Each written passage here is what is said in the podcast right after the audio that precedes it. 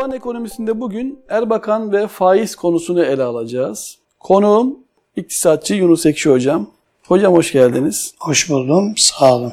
Evet değerli izleyenler, Türkiye Cumhuriyeti siyasi tarihinde baktığımızda faizle mücadele müfredat, müfredatını siyasi literatürümüze kazandırmış isim şüphesiz Necmettin Erbakan ismidir. Hatta Osmanlı'nın yakın tarihine baktığımızda da somut olarak bu anlamda bir sistemsel kurguya da rastlamıyoruz. Merhum Başbakan Necmettin Erbakan'ı rahmetle anıyoruz ve şimdi Erbakan Hoca'nın 90'lı yıllardaki konuşmalarından bir kesit sunarak programa başlıyorum. Türkiye adil düzene geçmedikçe bu aziz vatandaşlarımızın şikayetten ortadan kalkması mümkün değildir. Niçin? Çünkü bugün Türkiye'de batıyı taklit eden partiler bir faizci düzen kurmuşlardır. Çıkarttıkları kanunlarla faizler masraflara yazılıyor ve de fiyatların içine giriyor. Bugün bir vatandaşımız şimdi bin liraya çıktı 400 gram ekmek yuvarlak olsun diye. 900 lira diyeceğim müsaadenizle. 900 lira verip fırından ekmek alırken bu ekmek parasının içinde 300 lira faiz ödüyor, 300 lira da vergi ödüyor. Siz bu vatandaşları faizle eziyorsunuz zihniyet olarak söylüyorum. Bugünkü faizci kapitalist düzen haksız vergilerle eziyor. Bu faizler, bu vergiler kalkmadan kiti şöyle yapacağım, öbürünü böyle yapacağım. Bu çocuk masallarıyla bu iş düzelmez. Bugün 60 milyon insan satın aldığımız malların içerisinde 40 trilyon faiz ödüyor. Bu faizler de ne acı ki alınan dış borçların faizi olarak dışarıya gidiyor. Bakınız yapılan iş şudur. Önce bir defa bütün bu satın alınan malların içerisinde ödenen faizler dış borç faizi olarak Amerika'daki Siyonist bankalara gidiyor. Faizle herkesin gelirinin üçte biri elinden alınıyor. Malların içerisine giren vergiyle herkesin gelin üçte birinin alınıyor. Yani geçinemeyen insandan bunlar alınıyor. Karşılıksız para sürülüyor. Ve bu karşılık parayla da vatandaşların cebindeki paranın yılda yüzde yirmi beşi tabirimi mazur görürseniz çalınıyor. Çünkü haksız olarak alınıyor. Bundan başka Merkez Bankası'nda takır takır birisini oturtmuşlar. Her gün paranın değerini emirle değiştiriyorlar. Böylece de vatandaşın cebindeki paranın yüzde yirmi beşi çalınıyor. Yani bu bankalar fakir fıkaradan parayı alıp zenginlere veren birer emme basma tulumbadır. Bu düzen değişmeden bu millet rahat etmez. Evet e, hocam videoyu izledik. Evet. Merhum Başbakanımız e, rahmetli Necmettin Erbakan'ın faize bakışı ile ilgili kısaca neler söylemek istersiniz? Buyurun. Evet ben e, bu vesileyle bu hafta e, rahmetli Erbakan'ın ölüm yılı, 7. Evet. Yılını geçirdi. Ben de kendisine Rabbimden rahmet diyorum. Amin. Kendi şahsiyetiyle ilgili değil de evet bir hafta bunun anma programları yapılıyor. Ağırlıkta benim dikkat ettiğim rahmetli Erbakan'ın şahsiyetiyle ilgili programlar yap. Ben olaya biraz daha farklı bakıyorum. Az önce izlediğimiz videoda hocanın tespitleri yanılmıyorsam 91 91 yılı. evet. yılında o konuşmayı liderler Sonrasında da olarak. defaten devamlı gündeme getirdiği konulardı zaten hocam. Evet. hocam. Yani siyasi hayatında Erbakan Hoca'nın müca temel mücadelesinden bir tanesi de buydu. Evet. Dolayısıyla ben e, hocayla ilgili kimdir diye bir soru sorulsa ben rahmetli Erbakan Hoca'yı milletin ve devletin menfaatlerine yönelik çalışan, devleti ve milleti sömüren, kurulu bir ekonomik adil olmayan faiz düzeniyle mücadele eden bir lider olarak tanımlıyorum. Evet. Şimdi bu sürecin içerisinde rahmetli Erbakan'dan sonra kendi öğrenci, kendisini ta- hala hazırda takip eden ve kendisinden ayrılarak AK Parti'yi kuranların aynı mücadelede olup olmadığı bu açıdan sorgulanması gerekiyor. Evet. Özellikle Nihat Genc'in bu çok manidardır. Mesela videonun sonunda arkadaşlar enteresan bir Evet, evet. ekleme yapmışlar. Evet. Nihat Genc'in orada sol görüşlü kardeşimiz Nihat Genc'in orada ifade ettiği şey çok manidardır. Evet. Zaten bu toplumun farklı kesimleriyle ilgili gelen Erbakan'la ilgili gelen son tahliller, açıklamalarda aslında Nihat bu ifadesinde toplanmıştır diyebiliriz. Evet. Milli bir adamdı, yerli bir adamdı, milletini ve devletini dış güçler olsun, iç işbirlikçilere karşı olsun alternatif bir program çalışmasıyla mücadelesini yapmıştır. Evet. Peki 45 yıllık bir milli görüş süreci içerisinde bu başarılı olabildi mi? Şimdi soruyu bir de Evet, böyle sormak evet. lazım. Yani hocanın oradaki o tespitleri Mücadelesinde başarılı olabildiği diyebilir başarılı olabildi mi?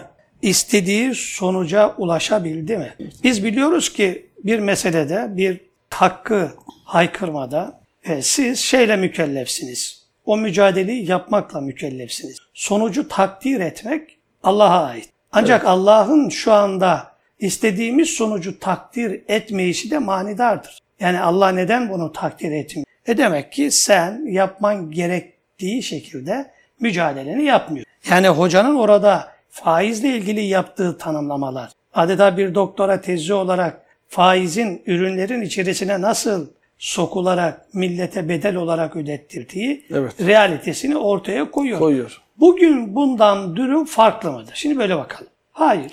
Bugün Oraya- sol bir iktidar mı vardır? Hayır. Yok. Bugün muhafazakar bir iktidar vardır. Burası çok düşündürücü bir noktadır. Buna rağmen bugün ne model değişmiştir ne de sistemin işleyişi ve akışkanlığıdır. Evet. Dolayısıyla ben e, rahmetli Erbakan Hoca'ya bakarken buradaki tespitlerinde vizyon, misyon ve yüklenmiş olduğu o azimle beraber ortaya koymuş olduğu faize karşı mücadelesi olur. Evet. Tabii bir yandan da merhum Erbakan Hoca'nın adil düzen ile ilgili çalışmalarını biliyorsunuz. Evet. Ee, o günün adil düzeniyle bugün yapmış olduğumuz programın ismi de malumunuz taban ekonomisi. Bugünün taban ekonomisi aynı şeyler midir? Yoksa fark varsa bu fark nedir? Aynı şeyler değil. Evet. Ancak şunu itiraf etmek gerekir. Bizim taban ekonomisini temellendirirken siyasi bir iktisadi değişim, Evet. Ekonomik politik yeni bir yapılanmanın temel menbaında rahmetli Erbakan vardır. Evet. Yani onun düşüncelerinden, onun fikirlerinden kuşkusuz elbette istifade ettik. Ancak adil düzen ile taban ekonomisinin çok bariz farklılıkları var. Evet. Eğer adil düzen şu anda AK Parti hükümeti çok yönüyle e, sosyal devlet ilkelerini tatbik etmektedir. Evet. Yani adil düzenin birçok söylemiş olduğu şeyi uygulamaktadır. Evet. Tabii e, bunun iktisadi yönü hariç olmakla beraber. Adil düzendeki iktisadi yapılanma mevcut adaletsiz dağıtımla ilgili ana eksende oturmaktaydı. Yani bir ahlaki yapılanma, bir ilmi yapılanma, bir iktisadi yapılanma, bir siyasi yapılanma olarak tanımlayabileceğimiz adil düzen maalesef ne siyasi olarak istenilen ölçüde yapılanabildi, ne iktisadi olarak yapılanabildi. Zaten ahlaki olarak Türkiye'nin geldiği durum belli. Yani yekin olarak baktığımızda adil düzen Allah için söylemek gerekir.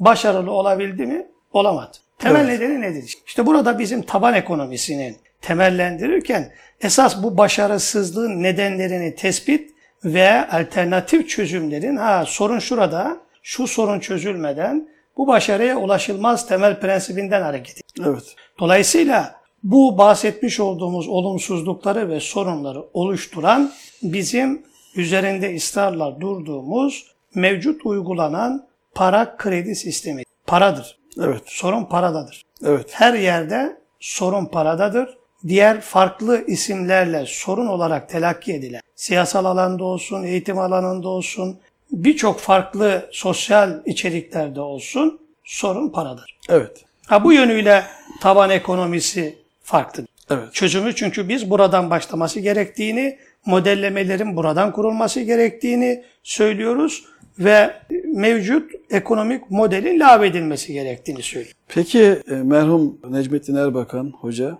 o dönemde sisteme kapitalist köle düzeni ismini veriyordu. Evet. Bugün ise sizlerin ifadeleriyle borca dayalı para sistemi diyorsunuz. Borca dayalı para sistemiyle kapitalist faizci sömürü düzeni aynı şeyler mi? Arada bir fark var mı? Varsa bu fark nedir? bir soru Şimdi soralım. kapitalizmin köle düzeni olması, Evet. sürekli zulüm üretmesi, toplumun büyük bir kesimini haksız bir şekilde faizle inim inim inletmesi tanımlamadır. Evet. Bizim borca dayalı para sistemi dediğimiz BDPS kısaltılmasıyla Evet. söylediğimiz şey ise sistemi içerisindeki işleyiş mekanizmasının ortaya koymak. Evet. Yani bir sistemin sonuçları var, bir de bu sonuçları oluşturan sistem var. Daha bir teknik bir ifade oluyor. Bizimkisi tamamen sonuçlardan ziyade bunları görüyor ve biliyoruz. Evet. Bunları tekrara düşmenin anlamı yok. Evet. Aynı şeyleri söylemenin farklı cümleler kurarak bunun bir anlamı yok. Önemli olan siz sorunu çö- niye çözmüyorsunuz? Sorun çözücü modeller koyacaksınız. Eğer sorun devam ettiği halde siz konuşuyorsunuz, konuşuyorsunuz. Evet. Yeni tanımlamalar yapıyorsunuz ama sorun devam ediyor. Adaletsizlikler devam ediyor. Bu nereden kaynaklanıyor? İşte biz buraya indiğimizde bu modelle ilgili olan bir şey. Dolayısıyla biz burada borca dayalı para sistemi dediğimiz yapının lağvedilmesiyle ilgili alternatif bir modelin kurulması Evet. gerektiğini ifade ediyoruz. Yani orada çok bariz bir şekilde öyle bir farklılık var. Mevcut sistem tanımlamasını borca dayalı para sistemi olarak tanımlıyorsunuz. Evet. Çözüm önerisini de taban ekonomisi olarak. Taban ekonomisi olarak tanımlıyoruz. Tabii bu iki tane kelimenin Evet. aslında çok ciddi manada açılması gerek. Yani adil düzen iki kelimesi kullanırken bir adaletten Evet. bir de bunun düzenlenmesiyle ilgili yani düzenin adil bir kriterlerle inşa edilmesiyle ilgili tanımlama yapılıyor. Evet. Ama bu başlığın içeriği sistemin değiştirilmesiyle ilgili, ekonomik modelin kurgulanmasıyla ilgili. Yani en ince ayrıntısına kadar oluşturulmasıyla ilgili adil düzenin kurduğu bir model yok. Ekonomik bir model yok. Evet. Yani tamam itiraz ediyorsunuz kapitalist sisteme, faize itiraz ediyorsunuz. E kardeşim bu kadar itiraz ettiniz ettiniz de değişmedi. Sonuç değişmiyor. Demek ki başka bir şey değil mi? Evet. Çünkü bak şu anda Erbakan, rahmetli Erbakan hocanın öğrencileri şu anda iktidarda. Evet. Bunlar şimdi birçok arayışın içerisinde değil mi? Bakın geçenlerde sözüm ona bir havuz sistemi oluşturulmaya çalışıldı. Evet. Değil mi? Asla astarı olmayan bir uygulama. Ama nerede yapılıyor bu? Model içerisinde. Model içerisinde. Ha şunu da söyleyeyim. Havuz sistemi Erbakan Hoca'nın döneminde bizim önerdiğimiz, söylediğimiz alternatif model içerisinde yapılmadı. Yani o başarı bile Evet. rahmetli Erbakan'ın dönemindeki bunun mimarlığını malumunuzdur. Profesör Evet. Doktor Mete Gündoğan Bey yapmıştır. Evet. O bile kendi itiraf etmiştir. Yani biz burada sistemi değiştirmeye yönelik değil, sistemin içerisindeki zulmün kısıtladık. Minimize Bu etmek. yani bu bile yani kamu hesabını teke indirerek faizleri kıstık. Kamu giderlerini kıstık. Yaptığımız sadece buydu. Buysa çok basit bir şeydi. Bu bile topluma infial derecesinde fayda sağladı. Olumlu anlamda. Tabii. Evet. Dolayısıyla bizim söylediğimiz çok ısrarla asla taviz vermeyeceğimiz kardeşim 200 yıl şey 200 yıl kurgulanmış bir para kredi sisteminin evrimleşerek gelmiş olduğu şu anda hamle yapmaya çalıştıkları da dijital para, elektronik para, bilmem ne ıvır kıvır bunların hepsi Evet. bu sürecin son evresi niteliğini taşır. Taşıyor. Hepsi o evren niteliğini taşır. Bu borca dayalı para sisteminin sürecidir. Bunun lağvedilmesi. Siz bunun içerisinde asla zafere ulaşamazsınız. Evet. Asla halka refah düzeyini getiremezsiniz. Böyle çıkarsınız işte 100 liranın hesabını yaparsınız asgari. Onun hesabını yaparsınız. Bu çok acıdır. Maalesef. Dolayısıyla bu buradaki bu ayrımın mutlak manada yapılması gerekir. Ha adil düzen kendi içinde e, alternatif olarak diğerlerine elbette takdir edilecek yönleri vardır. Ama artık uygulanabilecek bir nitelikte değildir. Değil. Evet. Çünkü model değil. Yani bir iktisadi model değil. Bizim söylediğimiz kapitalizme alternatiftir.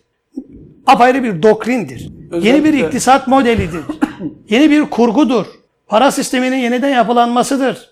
Evet. Dolayısıyla bu açıdan taban tabana farklıdır. Yani çok daha teknik bir detaydır. Evet. Erbakan hocanın ekonomi politikaları bakımından e, onu takip eden bir misyon elbette olmalıdır. Saadet Partisi ya da Cumhurbaşkanımızın önderliğindeki AK Parti'nin ekonomi programları bu misyonu ifade edebiliyor mu? Ya da sizce an itibariyle böyle bir misyonu üstlenen birileri var mı? Şimdi yani bunu anlamak için e, seyircilerimizin önce yani partilerimizin programlarına bakması gerekir. Yani Tabii diğer muhalif partileri de ya- yani verdiğiniz isimlerden e, hareketle söylüyorum. Yani AK Parti ve Saadet Partisi. Bu arada bu isimleri verme sebebim de hocam biliyorsunuz Saadet Partisi yani merhum Erbakan'ın kurmuş olduğu bir parti. Evet. Ve işte AK Parti'nin kurmaylarına baktığımız zaman gerek başbakan gerekse Cumhurbaşkanımız da temel itibariyle rahmetli Erbakan Hoca'nın tedrisatından geçmiş insanlar olduğundan dolayı özellikle bu iki partinin ismini verdim. Bu misyonu e, sürdürebilir nitelikte mi? Şimdi bakın Ya bu da halk- misyon halktaki bitti ya da birileri var Hayır misyon kesinlikle bir kere şunu söylemek gerekiyor. Ee, bu misyonun özü hak ile batıl mücadelesidir. Evet. Yani bu misyon rahmetli Erbakan'la başlamamış. Evet. Özü itibariyle söylüyor. Dolayısıyla Erbakan vefatıyla da bitecek bir şey değil. Bu misyon çok dinamik bir yapıya haizdir. Yani kendisini sürekli güncelleyebilen, kendi modernitenin çok daha ötesine taşıyabilen, adaletsizlikleri revize edebilecek bir temel kriter taşır. Evet. Şimdi bunu AK Parti ya da Saadet Partisi gerçekleştirebiliyor mu? Yapabiliyor mu sözü? Buradaki halktaki yansımalarına göre bunu çok rahatlıkla görürsünüz. Şimdi bunun bu misyonun eğer çoğunluk olarak iki tanımlama yapalım. Eğer AK Parti misyonu yüklendiyse çoğunluk büyük bir oranda AK Parti'nin destekçisi Evet. halkımız. O zaman başarı göstermesi lazım. O zaman AK Parti hükümetleri döneminde uygulanan ekonomik politikalara baktığınız zaman bu ne turşu bu ne lahana diyorsun. Arada çok fark var. Yani uygulanan model borca dayalı bir para sistemi modeli ve sürekli borç esaslı bir büyüme modeli dayatılıyor. Ve bu borç esaslı büyüme modeli reel bir büyüme değildir. Büyüyen sadece finans sektörü büyümüştür. Finans sektörü belli ellerde yoğunlaşarak daha güçlü hale gelmiştir ve halk borçlanmıştır, devlet borçlanmıştır. Devlet bunu bir takım kamu o, masraflarını, e, şeyleri, borçlarını özel sektöre aktararak e, devletin borcu az, az denilmeye çalışılmıştır ama neticede bu da arkasında garantör olarak da yap işlet bütün modellerde olduğu gibi devlet vardır. Evet.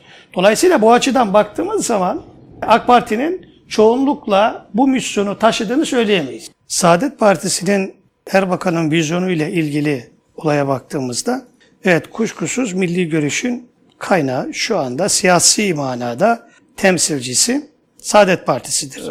Ancak milli görüşün sınırları Saadet Partisi ile sınırlı değildir. Evet. Bu o farkındalığı ortaya koymak gerekir. Milli görüş rahmetli Erbakan'ın tanımlamasıyla Alparslan'dan Fatih Sultan Mehmet'e kadar uzanan Evet. ve günümüze kadar gelen bir süreçtir. Bu vizyonla ilgili bir şeydir. Dolayısıyla siz şimdi Saadet Partisi'ni değerlendirecekseniz bu açıdan kuşkusuz olaylara bakışı, açıklamaları bu noktadadır ama şu soruyu sorabilirsiniz. Mesela neden rahmetli Erbakan'ın hayattayken Refah Partisi dönemindeki o trendi, yükselişi, Evet. halka dokunması, halkla temas etmesi şu anda neden yok? Evet. Birçok evet. gerekçeler sıralanabilir. Saadet Partisi'nin yok olup gideceği işte çok e, marjinal bir partiye dönüştüğü birçok dönem bu ifade edildi. Ama milli görüşün merkezi olması hasebiyle Saadet Partisi'ne bu bağlamda belki isim değiştirir ama milli görüşün Türkiye'de yok olması diye bir şey söz konusu Değildir. değil. Çünkü bu bir tabiri caizse dünya görüşüdür. Aslında bir iki farklı dünya görüşünün siyasal bir mücadelesinin yansımasıdır da burada da diyebiliriz. Evet bu arada e, Sayın Cumhurbaşkanı ve faiz konulu da program yapmıştık hatırlarsanız. Sayın Cumhurbaşkanı'nın faiz karşıtı söylemleriyle merhum Erbakan Hoca'nın faiz karşıtı söylemleri arasında bir kıyaslama yaptığımız zaman benzerlikler ya da farklılıklar göre, e, nelerdir? Öyle bir soru yöneltmiş olsak sizlere. Neler Benzerlik- söylersiniz? Benzerlikler de vardır, farklılıklar da vardır. Buyurun. Benzerliklerle ilgili zaten Cumhurbaşkanımızın ifade ettiği faizin aleyhinde olduğu, düşmanı olduğu, Evet. faizin kalkması gerektiğiyle ilgili söylemlerdir. Ancak e, son zamanlarda bunu tamamen kalkmasından ziyade indirilmesi gerektiğiyle ilgili çok Evet. fazla olduğuyla ilgili bir farklılık olarak ortaya koyabilir. Mesela rahmetli Erbakan faizin indirilmesinden bahsetmezdi. Direkt kalkmasından Kalkmasını ifade ediyor. Faiz hay yüzde bir olmuş, hay yüzde on olmuş. Evet. Bu sadece türevsel bir süreç içerisindeki biraz daha geciktirirsin meseleyi. Evet. Olay budur. Mesele sistemin içerisinden bunu kaldırma. Ee, AK Parti'nin faizi kaldırma gibi bir derdi var mıdır diye sorduğumuzda e, maalesef yoktur. AK Parti'nin böyle bir sorunu yoktur. AK Parti ekonomik olarak uygulamış modeller, uyguladığı modeller e, bu bunu ortaya koyuyor. Yani Cumhurbaşkanı'nın faiz karşıtlığı AK Parti'nin faizi kaldırmak istediğiyle ilgili okunamaz. O bireysel olarak söylemiş olduğu bir şey. Tepkisidir, reaksiyonudur. O zaman onu siz parti programına pro- dönüştürmeniz gerekiyor. Yani uygulamış olduğunuz modeli değiştirmeniz gerekiyor. Bu bağlamda bir benzerlik, ciddi manada vizyon benzerliği yakala, yakın alabilir. Birlikte hareket edilebilir. Yani şöyle olamaz mı? Yani siyasi iki siyasinin kullanmış oldukları yöntemlere baktığımız zaman yani evet merhum Erbakan bunu ifade ediyordu. Sayın Cumhurbaşkanımız bunu ifade etmeyi şu konjonktürde uygun görmüyor olabilir mi? Yani bu tamamen faiz kalkması veya öyle bir derdi yoktur derken. Bu, bunlar çok söyleniyor. evet yani bu Şimdi işin başka bir boyutuna yöntem bakalım. olarak farklılık olabilir. Şu konjonktürde şöyle düşünelim o zaman. Evet. Burayı şöyle okuyalım. Şimdi Çünkü faiz bu- lobisi çünkü ile bu ilgili sorunuz da şimdi karşımızda faiz lobisi söylemleri- olabilir. evet. Ha, olabilir. evet. Şimdi bir şöyle bakalım. Şimdi 200 milyar Evet. 2017'de 250 milyara yakın bu milletin çocuklarının parası faizcilere aktı. Evet.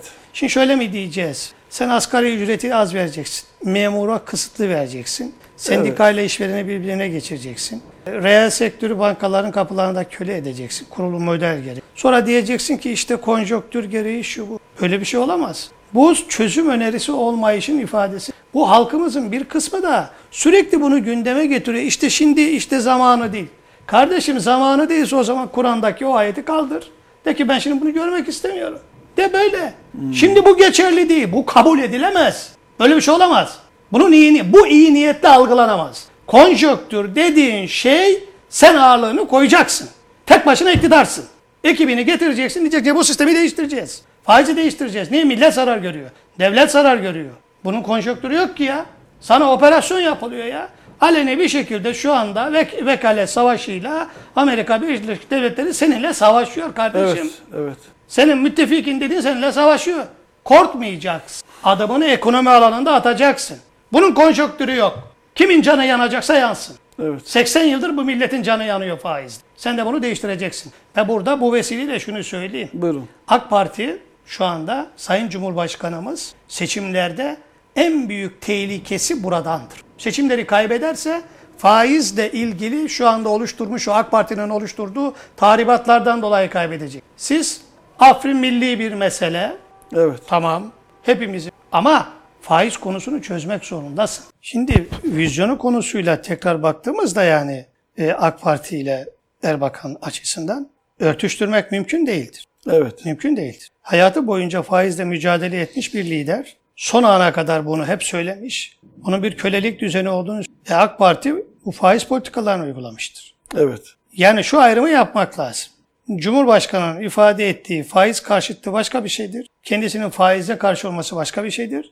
Partisinin model olarak uygulamış olduğu ekonomik politikalar başka bir şeydir. Bu ikilem bu seçimlerde Cumhurbaşkanına çok olumsuz yansıyacaktır. Ya bu Devam görünen- ederse bu ikili. Hay devam ediyor zaten. Çünkü şu anda görünen bir şey yok. Evet. Bunun bir alternatifi yok. Bunu çözme konusuyla ilgili milli ittifak diyebileceğimiz işte ki ittifaklar yapılabilir. Yani birileri Evet. koalisyon olarak bunu telakki ediyor. E niye koalisyon oluyor tarzında bu yanlıştır. Partiler birbirleriyle ülkeyi yönetme noktasında ortak bir vizyon yüklenebilirler. Bu doğaldır. Bugün şimdi Saadet Partisi ile de bu konuda görüşülüyor. Değil mi? Evet. Evet. Evet. Ve Saadet Partisi'nin hala Erbakan'ı devam ettiren bir misyonu var. Eksikleri çok. Ayrı bir şey. Topluma kendisini iyi pazarlayamıyor. Ayrı bir şey. İyi kadroyu oluşturamıyor. Ayrı bir şey. Ama merkezde yine o misyonu sadık bir şekilde, dirayetli bir şekilde sürdürüyor. Bu az önceki söylediğim Saadet Partisi ile ilgili olumsuzluklar ilelebet devam edecek diye bir şey yok. Saadet Partisi çok güçlü bir çıkış, vizyon yakalayabilecek kendi özgül ağırlığına sahiptir. Vaktiyle e, merhum Erbakan Hoca da ittifak çalışmaları içerisinde girmişti. O dönemde ıslahatçı İşte ben o açıdan Demokrasi Partisi açıdan ve. MÇP ile yapmıştı. milletin menfaati, devletin menf- Evet. menfaati olarak rahmetli Erbakan'ın bakış açısı buydu. Şu konjonktürde olsaydı diyelim bir projeksiyon yapalım. Ee, Erbakan Hoca'nın ittifak yaklaşımlarına, tekliflerine reaksiyonu ne olabilirdi? Ee, Ana arterleri evet. değiştirirdi. Entegre olmazdı. Evet, Yani e, şu anda AK Parti ile Saadet Partisi arasında yapılan görüşme var. evet, Temel Karamollaoğlu'nun net bir duruşu var. ifade ediyor kendisi. evet, Biz kendi adayımızı çıkartacağız. Son bir görüşmede de herhalde bildiğim kadarıyla olumsuz sonuçlandı. evet, E peki şu, şu bir realite yani Saadet Partisi Cumhurbaşkanı adayı seçilemeyebilir. evet, Ama bir yerde bir dik duruş var. Bir ilkelere dirayetle arzulayış var. Yani Evet. ilkeler üzerinde. Şimdi eğer Saadet Partisi şu Erbakan Hoca'nın bir hayatı boyunca mücadele ettiği ekonomik faiz modelini değiştirme konusuyla ilgili mücadeleyi ortaya koymazsa, evet, AK Parti'nin mevcut uygulamış olduğu politikaları e, işte biz şimdi şunu kabul edelim, şunu sonra düzeltiriz tarzında yanaşırsa Has Parti ne, neydiyse nasıl değişime uğradıysa, Evet. kapandıysa, lağvedildiyse Saadet Partisi'nin de durumu bu olur. akıbeti bu olur diyorsunuz. Ama milli görüşün. Bakın bunun altını ısrarla çiziyor. Milli görüş başka bir şeydir. Yani bir siyasi partiyi siz e, milli görüşün temsilcisi olarak da entegre edebilirsiniz.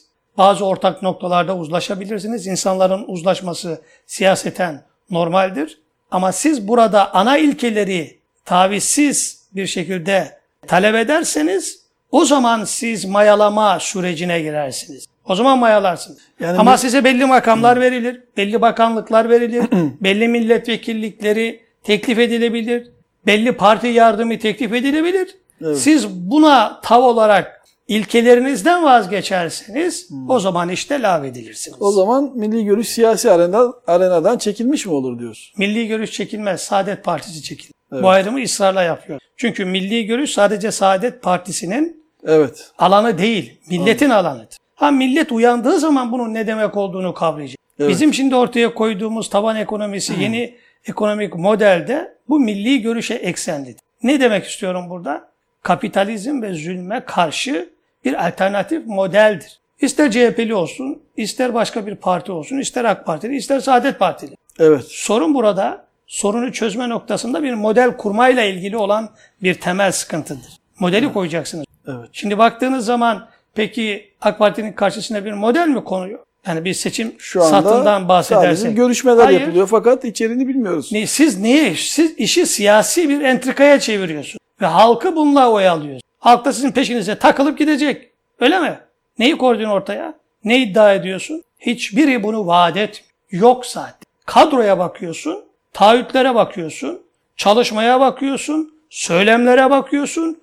Hiçbiri devleti faizden kurtaracak bir model, halkın borçlarını bitirecek bir model, halkın refah düzeyini arttıracak bir model ortaya koymuyor. Evet. Sorun burada, mesele burada. Mesele burada. Evet, bir yandan da bir gerçeği teslim etmek gerekiyor. Merhum e, Necmettin Erbakan için söylüyorum. E, Biliyorsunuz Erbakan e, meclis kürsülerinden dahi yakın zaman içerisinde şahit olduğumuz Irak'taki siyasi yapıyı sonrasında da geçtiğimiz yıl işte bu bağımsızlık referandum sürecini gördük ve Türkiye devreye girdi ve bu süreci bir şekilde engellemiş oldu. Bunu vaktiyle merhum Necmettin Erbakan Hoca dile getirmişti. Fakat e, yeteri kadar itibar görmedi o dönemde maalesef. Sonrasında Suriye ile ilgili açıklamaları yine tarihin e, bir noktasında Erbakan'ın ifadeleriyle dile geldi. Eğer emperyalist güçlerin konusu bir gün Suriye olursa bilin ki hedef Türkiye, Türkiye'dir diye ifade etmişti. Ve bugün yaşamış olduğumuz Suriye üzerinde yaşanan zulümlerde yine Erbakan Hoca'nın siyasi öngörüsüyle vaktiyle dile getirilmişti. Ve yine o dönemde maalesef e, eğilinmemişti o konular üzerine de. Tabii bugün işlemiş olduğumuz konu Erbakan ve faiz konusu yıllardır faizle ilgili uyarılarını, ekonomiyi nasıl baltalayacağı şeklindeki önerilerini ve çözüm önerilerini de ortaya koymuştu. Fakat bugün artık bu hafızaya sahip olan idarecilerimizin olduğu bir dönem ve böyle de bir şansımız var diyelim. E, bu kez bu kez e, bu e, ekonomik anlamdaki merhum Erbakan'ın uyarılarına uyulabilir mi hocam? Yani Suriye ve Irak'la ilgili bu uyarılara uyulmadı.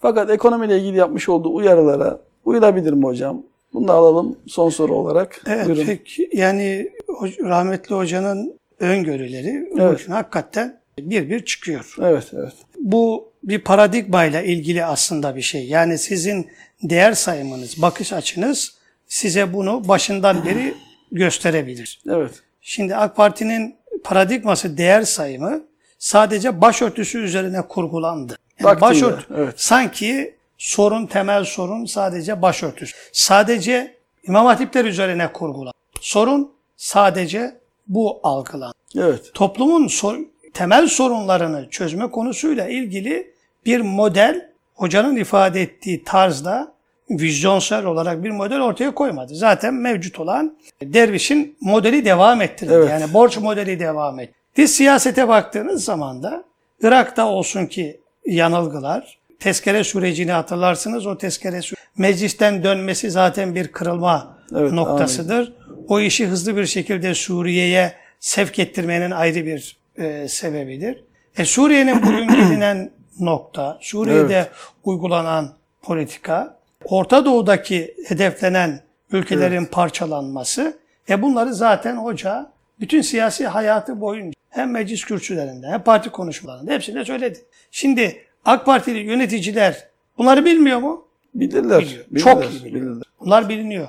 Peki bu sürecin içerisinde bir koyup Ozal'ın ifade ettiği bir koyacağız, üç alacağız. Evet. Yaklaşımını bunları siyasal manada söylerken e siz içeride esas arkanızı boşaltıyorsunuz. Yani güçlü bir ekonomiye sahip olmadan bir takım siyasi entrikalarla işin yürüyeceğini zannediyorsunuz. Siz devletinizi kontrol edebilecek, halkınızın ihtiyaçlarını karşılayabilecek bir modele sahip değilsiniz. İktisadi modeliniz oraya bağlı. Evet. Ve siz kalkıyorsunuz ondan sonra hamasi duygular ifade ediyorsunuz, söylüyorsunuz, söylüyorsunuz.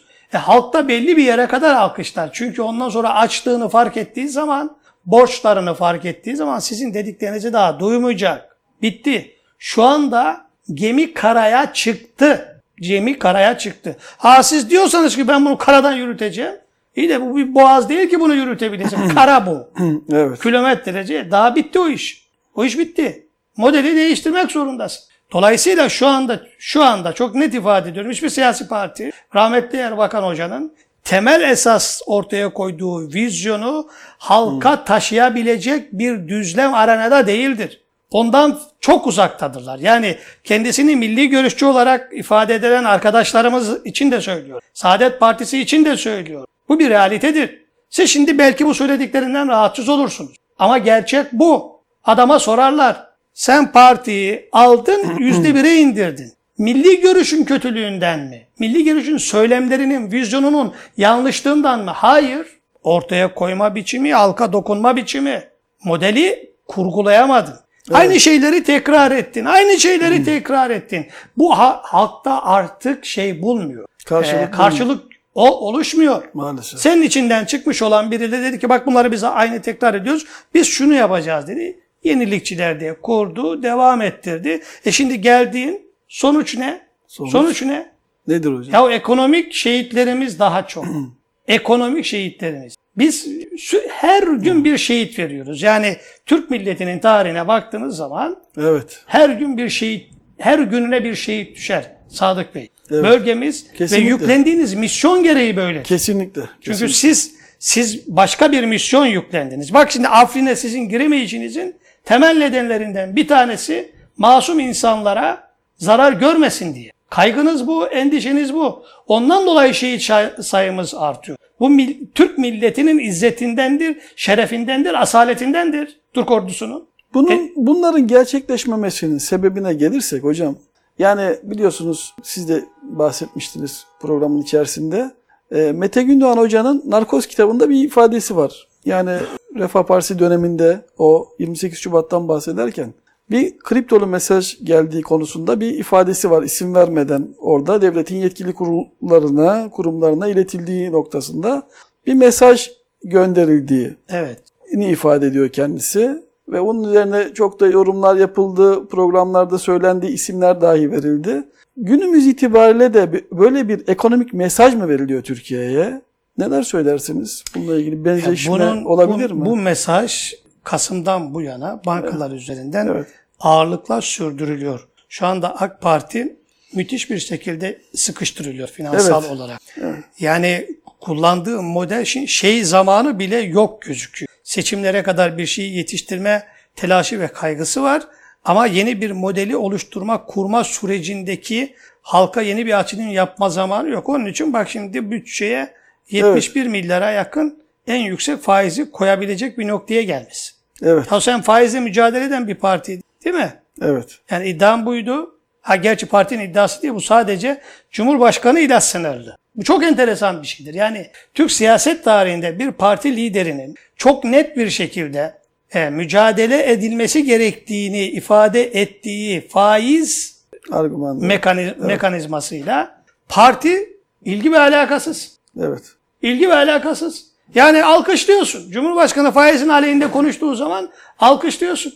Kardeşim siz yapıyorsunuz bunu ya. Ona rağmen Ya alkışlıyorsun. sen yapıyorsun sen. Sen uyguluyorsun bu modeli. O zaman çeki düzen vereceksin kendine. O zaman bu sürecin içerisinde baştan aşağıya getireceksin. Bu kriptolar kimdir? Kendine bakacaksın, kendini eleştireceksin. Ha biz eleştirirsek, eleştirdiğimizde de öyle tepki göstermeyeceksin. Evet. Biz olması gerekeni söylüyoruz. Devletin ve milletin menfaatini olması gerekeni söylüyoruz. Burada kim kazanıyor? Bu sürecin içerisinde kazanan kimdir ya? Ama ben kaybedenin çok iyi olduğunu, kim olduğunu biliyorum. Evet. Millet kaybediyor, devlet kaybediyor. Maalesef. Ya bu kabul edilecek bir şey değil de Sadık Bey.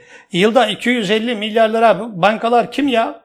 Kim ya bunlar? Şunu da ekleyelim hocam. Yani bu sadece Türkiye'ye yapılan bir baskı değil. Bütün dünya ülkelerine yapılan bir baskı var. Ben milletimle ve devletimle ilgileniyorum. Evet, evet. Bu millet ve devlet ayağa kalktı mı onlar şunu biliyor. Dünyanın akışı değişecek. Evet. Bu millet dünyanın akışını küçük bir beylikle değiştirmiştir. Evet. Tarih açıp tarih kapamıştır. Dolayısıyla bu millet ayağa kalkması son derece önemlidir. Evet. Ya bunun da olabilmesi için bu işte bu siyasi süreçlerin içerisinde siyasi partilerin ekiplerinin topluma vaat ettiği şeyler nedir diye toplum analiz ettiği zaman kendi durumuyla değerlendirsin. Evet. Şöyle bir şey yok. Şimdi öyle bir döneme giriyoruz ki ille de partinin bir partini partili olacaksın. Bir partili olursan e, ülkeye belli bir şey yapa hizmet edebilirsin. Artık bu dönem kalkmıştır. Başkanlık sistemiyle bu dönem kalkıyor. Dolayısıyla siyasi partiler toplumun her kesiminde topluma katkı sağlayacak, yeni modellemeyi oluşmasına katkı sağlayabilecek, refah düzeyini arttıracak değerlerimiz nerede varsa bunları toplaması lazım. Ama o temel ilkelerin ekseninde ancak bunun gerçekleşmesi mümkün olabilir. İnşallah. Hocam ağzınıza sağlık. Sağ olun. Sorular sorduk. Çok açıkça, açık yüreklilikle cevaplarınızı verdiniz. Allah razı olsun. Teşekkür ediyorum hocam. Sağ olun. Ben de teşekkür ederim. Evet kıymetli dostlar, Taban Ekonomisi programının bugün de sonuna geldik. Ee, Erbakan Hoca'yı tekrar rahmetle anıyoruz. Hepinizi Allah'a emanet ediyorum.